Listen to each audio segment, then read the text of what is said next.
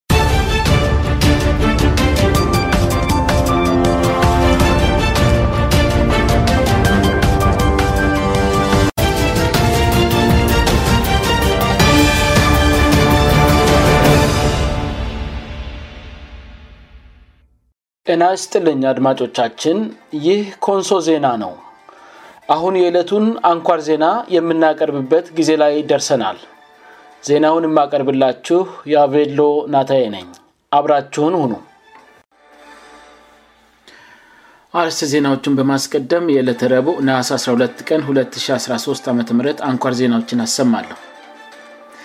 በኮንሶ ዞን ሰገን ዙሪያ ወረዳ በንጹሐን ላይ ጥቃት የፈጸሙ ታጣቂዎች በቁጥጥር ስር አለመዋላቸው ተገለጸ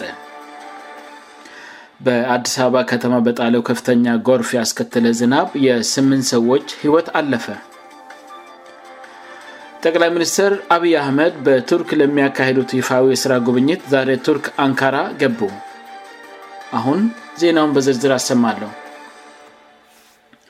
በኮንሶ ዞን ሰገን ዙሪያ ወረዳ በንጹሐን ላይ ጥቃት የፈጸሙት ታጣቂዎች በቁጥር ስር አለመዋላቸው ተገለጸ ቅዳሜ ነሀሴ 8 ቀን 2013 ዓም በሰገን ዙሪያ ወረዳ ሰገን ከተማ በሚገኝ አነስተኛ ምግብ ቤትና አካባቢው ላይ ባለ የግል መኖሪያ ቤት ላይ ከአካባቢው እንደሆኑ የተገለጸ አሸባሪዎች ቡድን ባደረጉት ጥቃት አንድ የጤና ባለሙያና ነብሰጥር ሴትን ጨምሮ ሶስት ሰዎችን መቅደላቸውንና ሌሎች ሌሎችንም እንደዚሁ ክፉኛ ማቁሰላቸውን ከዚህ በፊት መዘገባችን ይታወሳል ዛሬ ከአካባቢ የወጡ መረጃዎች እንዳመለከቱት አሸባሪ ቡድኑ በትላንትናው እለት በሚስጢር ስብሰባ እያደረጉ መሆናቸው ታውቆ አካባቢው ለፀጥታን ለማስፈን ለተሰማራውን የደቡብ ልዩ ኃይል ሰራዊት ከተጠቀሙ በኋላ ሰራዊቱ ወደተባለው ስፍራ ከሄደ በኋላ ከሰራዊቱ ጋር ለግማሽ ሰአት ይል የቆየ የተኩሱ ልውውጥ መደረጉ ታውቋል ይሁን እንጂ ከጥቃት አድራሾቹ አባላት መካከል በቁጥጥር ስር የዋለ አለመኖሩ ተገልጿል በጥቃቱ ህይወታቸውን ያጡ ሰዎች በቅርቡ ከወልቅጤ ዩኒቨርሲቲ በከፍተኛ ማድረግ የተመረቀ ና በቀለበየና የተባለ የጤና ባለሙያ አቶ አብት ግርማ የተባለ ሌላ ሰውና ነብሰጡር ባለቤቱ ወይዘሮ የሳቃ እርጋጫ መሆናቸው ታውቋል አሸባሪ ቡድኑ በግልጽ የሚታወቅና ሀይበና በተባለ የድራሽ ወረዳ ቀበለ አካባቢ የሚንቀሳቀስ መሆኑን የሚናገሩት የሰገን ከተማ ነዋሪዎች እስካአሁን አንዳቸውም በልዩ ኃይሉ በቆጥር ስር አለመዋላቸው ና ጭራሽ ምስጢራዊ ስብሰባዎችን ጭምር ማካሄድ መቻላቸው የሚያስገርም ነው ብለዋል መንግስት ባለበት ሀገር የብዙዎችን ህይወት የቀጠፉ አሸባሪዎች ለመያዝ ሰራዊቱን ማይደፍር ከሆነና ሰዎቹ በህግ ጥላ ስር እስካልዋሉ ድረስ በተረጋጋ መንፈስ ወደ መደበኛ ህይወታቸው መመለስ በእጅጉ እንደሚያስቸግራቸው ተናግረዋል የሚመለከተው አካል በደቡብ ክልል መንግስት የጽጥታ አካላት ላይ ጫና እንዲያደርጉ ና ለልዩ ሀይሉ ትእዛዙ በመስጠት አሸባሪዎቹን አድኖ በቁጥጥር ስር በመዋል ችግሩን በመሰረታውነት በመፍታት ህብረተሰቡ ወደ መደበኛው ኑሮ እንዲመለስ እንዲያደርጉ የአካባቢው ነዋሪዎች ጥሪያቸውን አስተላልፈዋል አለበለዚያ ግን የሰራዊቱ በከተማው ዙሪያ መንቀሳቀስና ቅኝት ማድረግ ጊዜያው መፍትሄ ቢሆን እንጂ በዘላቅነት ችግርን አይፈታውም ብለዋል ይህ በእንድህ እንዳለ በዛሬ ሁለት ከሰዓት በኋላ የኮንሶ ዞን የሰላምና ጥታ መምሪያ ሀላፊ አቶ ገረሱ ከተለ ጥቃት ወደተፈጸምባት የሰገን ከተማ መምጣታቸውና ማምሻውን ውይይት በማካሄድ ላይ መሆናቸው ተገልጿል ሆኖም ግን በውይይቱ የተካፈሉ ሰዎች አመራሪ ሁኑ ወይ የአካባቢው ማህበረሰብ አካላት ስለመሆናቸው ኮንሶ ዜና ማረጋገጥ አልቻለም ይህን ያሸባሪዎች ጥቃት የሚያወግዝ ህዝባዊ ሰልፍ በዞን ደረጃ ለማከናወን ዝግጅት በመደረግ ላይ ስለመሆኑም የተገለጸ ሲሆን በሰላማዊ ሰልፉም ህይወታቸውን ያጡ ሰዎች ፎቶግራፎችና ሽብሩን የሚያወግዙ መልእክቶችን የሚያስተላልፉ መፈክሮች እንደሚያዙ ተገልጿዋል መደበኛ የመገናኛ ብዙሀን ሚዲያዎችም ሰልፉ ላይ ተገኝተው የሚተላለፈውን ሽብርን የማውገዝ መልክት ለኢትዮጵያውያን ሁሉ እንደሚያሰራጩም ይጠበቃል ኮንሶ ዜና ሰልፉን በተመለከተ ከሚመለከተው የዞን መንግስት መስሪያ ቤት ማረጋገጫ ማግኘት አልቻለም ይህ ኮንሶ ዜና ነው በአዲስ አበባ ከተማ በጣለው ከፍተኛ ጎርፍ ያስከተለ ዝናብ የ8 ሰዎች ህይወት አለፈ በአዲስ አበባ ከተማ ትላንት ከቀጥር በኋላ በረዶ ቀላቅሎ በጣለው ከባድ ዝናብ በተከሰተ የጎርፍ አደጋ የ8ምት ሰዎች ህይወት ማለፉን እና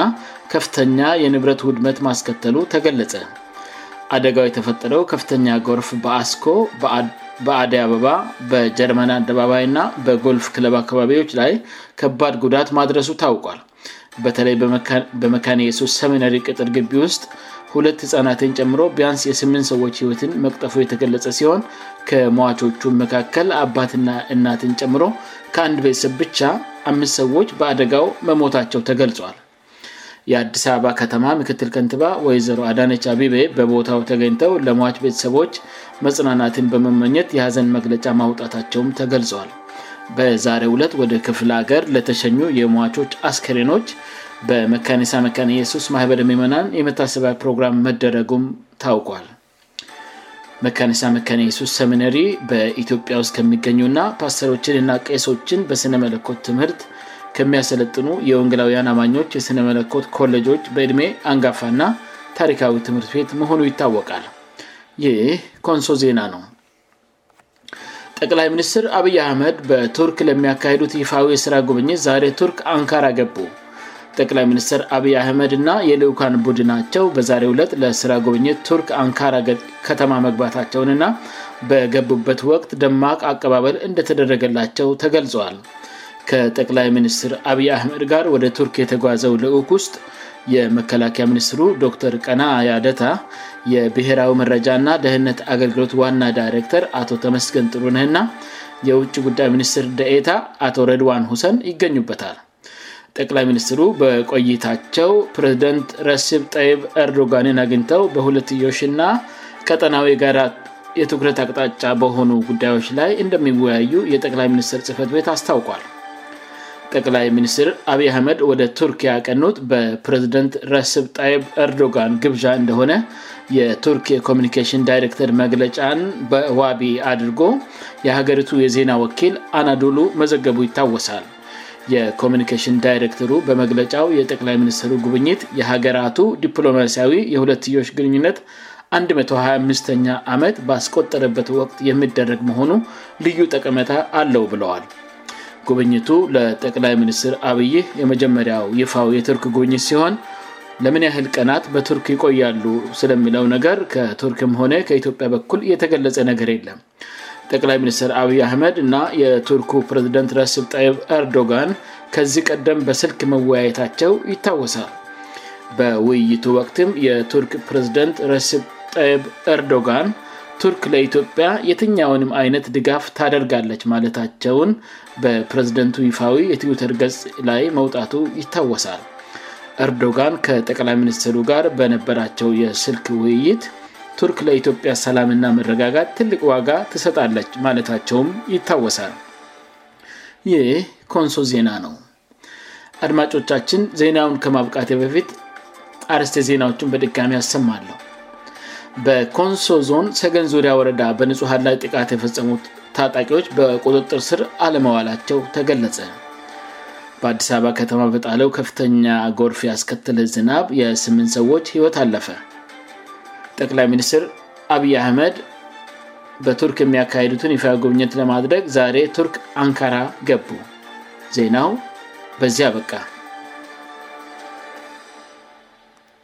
አድማጮቻችን የዕለቱ አንኳር ዜናችን ይህን ይመስል ነበር ስላአዳመጣችሁን እናመሰግናለን ደህና ቆዩን